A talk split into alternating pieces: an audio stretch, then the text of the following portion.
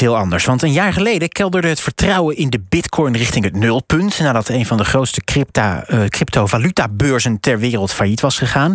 Maar de stemming is inmiddels helemaal omgeslagen. Want vanochtend kwam de koers van de virtuele munt voor het eerst in twee jaar weer boven de 45.000 dollar uit. Dat is 41.000 euro. Dat heeft alles te maken met een besluit dat de Amerikaanse toezichthouder, de SEC, binnenkort moet nemen. Hoe het allemaal precies zit, het is best ingewikkeld, ga ik bespreken met bitcoin-expert Bart Mol. Bart, goedemiddag, goed dat je er bent.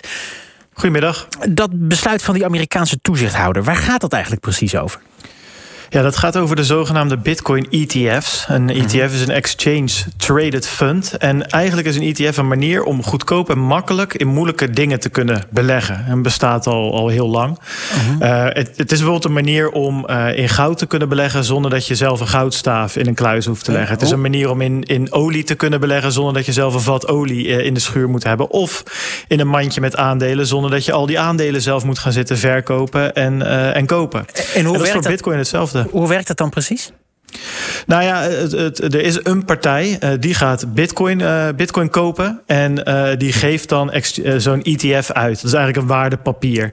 En jij kan naar die partij toe gaan en dan kan je zo'n papiertje kopen. Ja. En dan weet je, voor elk papiertje dat uitgegeven wordt, ligt er een bitcoin in de kluis. Maar het bewaren, het aankopen, het administreren van al die bitcoin, dat hele proces wordt door iemand anders gedaan. Dus je hoeft eigenlijk alleen nog maar op de knop te klikken. In plaats van dat je zelf met een moeilijke wallet en, en, en gekke wachtwoorden aan de slag moet. Waar natuurlijk ja. heel veel mensen een beetje bang voor zijn als ze over eh, Bitcoin horen. Het is eigenlijk een soort beursfonds, toch? Een soort aandelenmandje, alleen dan ook met andere dingen dan alleen aandelen. Uh, ja, ja het, kan, het, kan, een mandje aandelen zijn, maar het kan bijvoorbeeld ook een, een, een goudstaaf uh, uh, zijn. Of wat ik zeg, een vat ja. olie of, of een kilo graan. Ja, je hebt de gekste ETF's. Ja. Um, en, en de, daar kan Bitcoin dus misschien nu onderdeel van gaan worden. als de Amerikaanse Klopt. toezichthouder dat gaat goedkeuren. Dat ja. hebben ze uh, jarenlang niet gedaan. Uh, waarom uh, overwegen ze dat nu wel? Nou ja, dat heeft meerdere, meerdere redenen. Het is, het is best een, het is heel interessant, maar het is best een complex uh, vraagstuk wat je nu in die, in die crypto-wereld ziet. Um, Ten eerste, wat je zegt, de SEC heeft jarenlang eigenlijk gewoon bij elke aanvraag die er binnenkwam, want die worden al tien jaar lang gedaan. Uh, daar wordt er gewoon een groot kruis doorheen gezet en die gaat uh, papierversnipperaar in. Ja, je ziet nu voor het eerst dat daar serieus naar gekeken wordt. En dat heeft een aantal redenen. Ten eerste bijvoorbeeld omdat, je zei het in de intro al, FTX is, is failliet gegaan. Hè. Sam Bankman-Fried, SBF zoals die genoemd wordt. Die ja, dat is die valutamarkt hè, waar bitcoins verhandeld werden.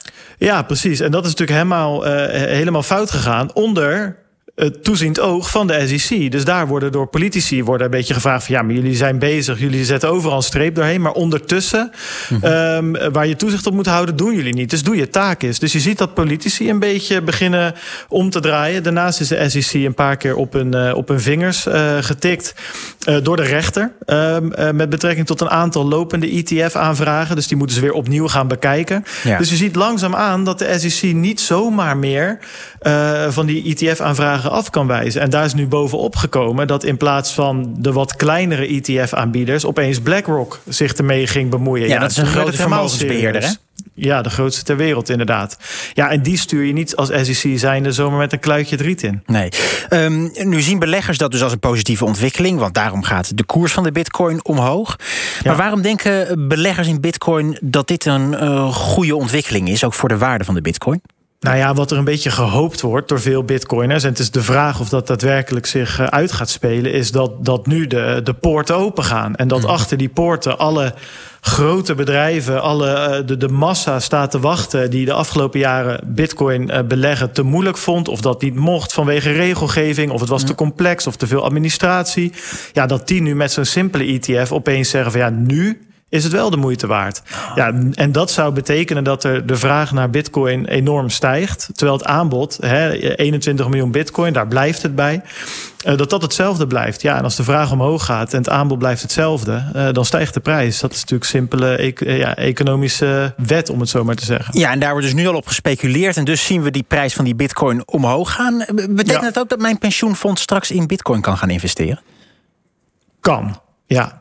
Maar het... of ze het gaan doen, dat is het tweede natuurlijk. -huh. Maar Wat denk jij? Het, het, Um, nou, ik denk dat een pensioenfonds dat misschien niet zomaar uit zichzelf doet, maar wel uit, uiteindelijk als er vraag is vanuit uh, de mensen van wie dat pensioen is. Mhm. En wat je bijvoorbeeld nu al wel ziet, is dat uh, family offices, die het vermogen van rijke families beheren, dat die daadwerkelijk wel vragen krijgen van, nou, ik zou misschien wel een beetje bitcoin willen naast aandelen, uh, commodities, grondstoffen, noem het maar op.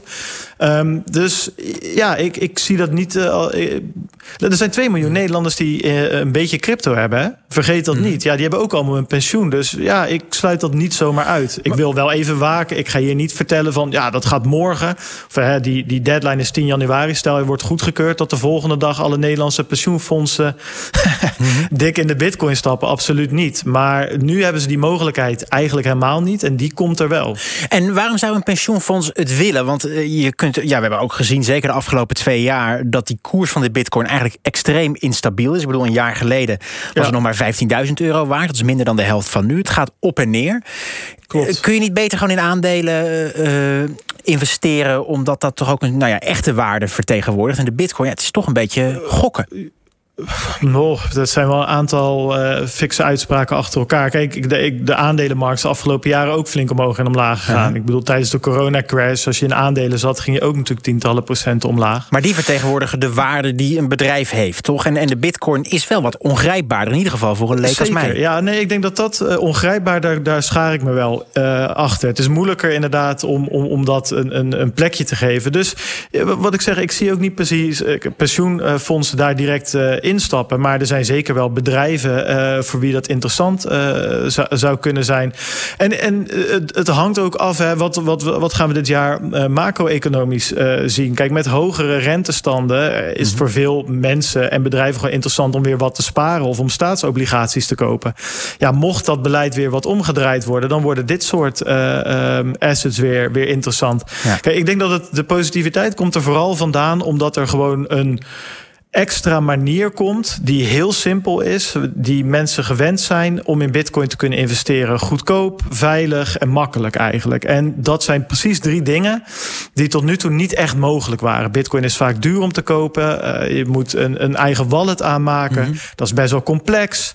Uh, als je één foutje maakt, dan is het direct fataal. Want ja, hè, het is een blockchain, dus je kan niet zomaar de klantenservice bellen. Ja, ja dat, dat verandert nu wel enigszins natuurlijk. Ja. En ik denk dat dat het meest positieve is wat wat, wat die mensen zien. Ja, en dat zie je dus ook nu terug in de koers van die bitcoin. Het gaat ervan ja. uit dat die toezichthouder het ook gaat goedkeuren. Maar goed, eigenlijk hebben ze alleen nog maar een onderzoek aangekondigd. Wat nu als ze zeggen, nou, het feest gaat toch niet door? Ja, dat kan. Dat zal denk ik wel eventjes een, een flinke domper zijn. Ja.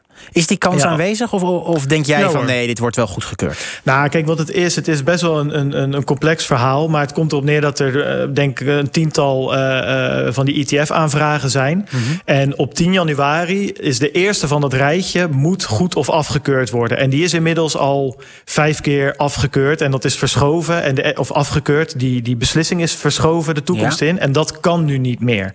En omdat inmiddels al die aanvragen eigenlijk precies hetzelfde zijn qua uh, structuur en opzet, uh, wordt er nu eigenlijk gezegd: als die ene op 10 januari goedgekeurd wordt, ja, dan keuren ze eigenlijk ook de rest allemaal goed. En dat is waarom die 10 januari nu zo belangrijk is. Maar het zou kunnen dat ze op de een of andere manier deze spe specifieke ETF-aanvraag afwijzen en dat we weer naar een volgende deadline toe, uh, toe moeten leven. Ja. Maar ja, de analisten zijn er, van Bloomberg bijvoorbeeld, zijn er wel van overtuigd dat, dat de kans vrij groot is dat die nu goedgekeurd gaat worden. Ja, en daar wordt dus nu al op gespeculeerd. Maar volgende week woensdag is weer een belangrijke dag voor de Bitcoin-bezitters. Dankjewel voor je uitleg, Bitcoin-expert Bart Mol. Mole.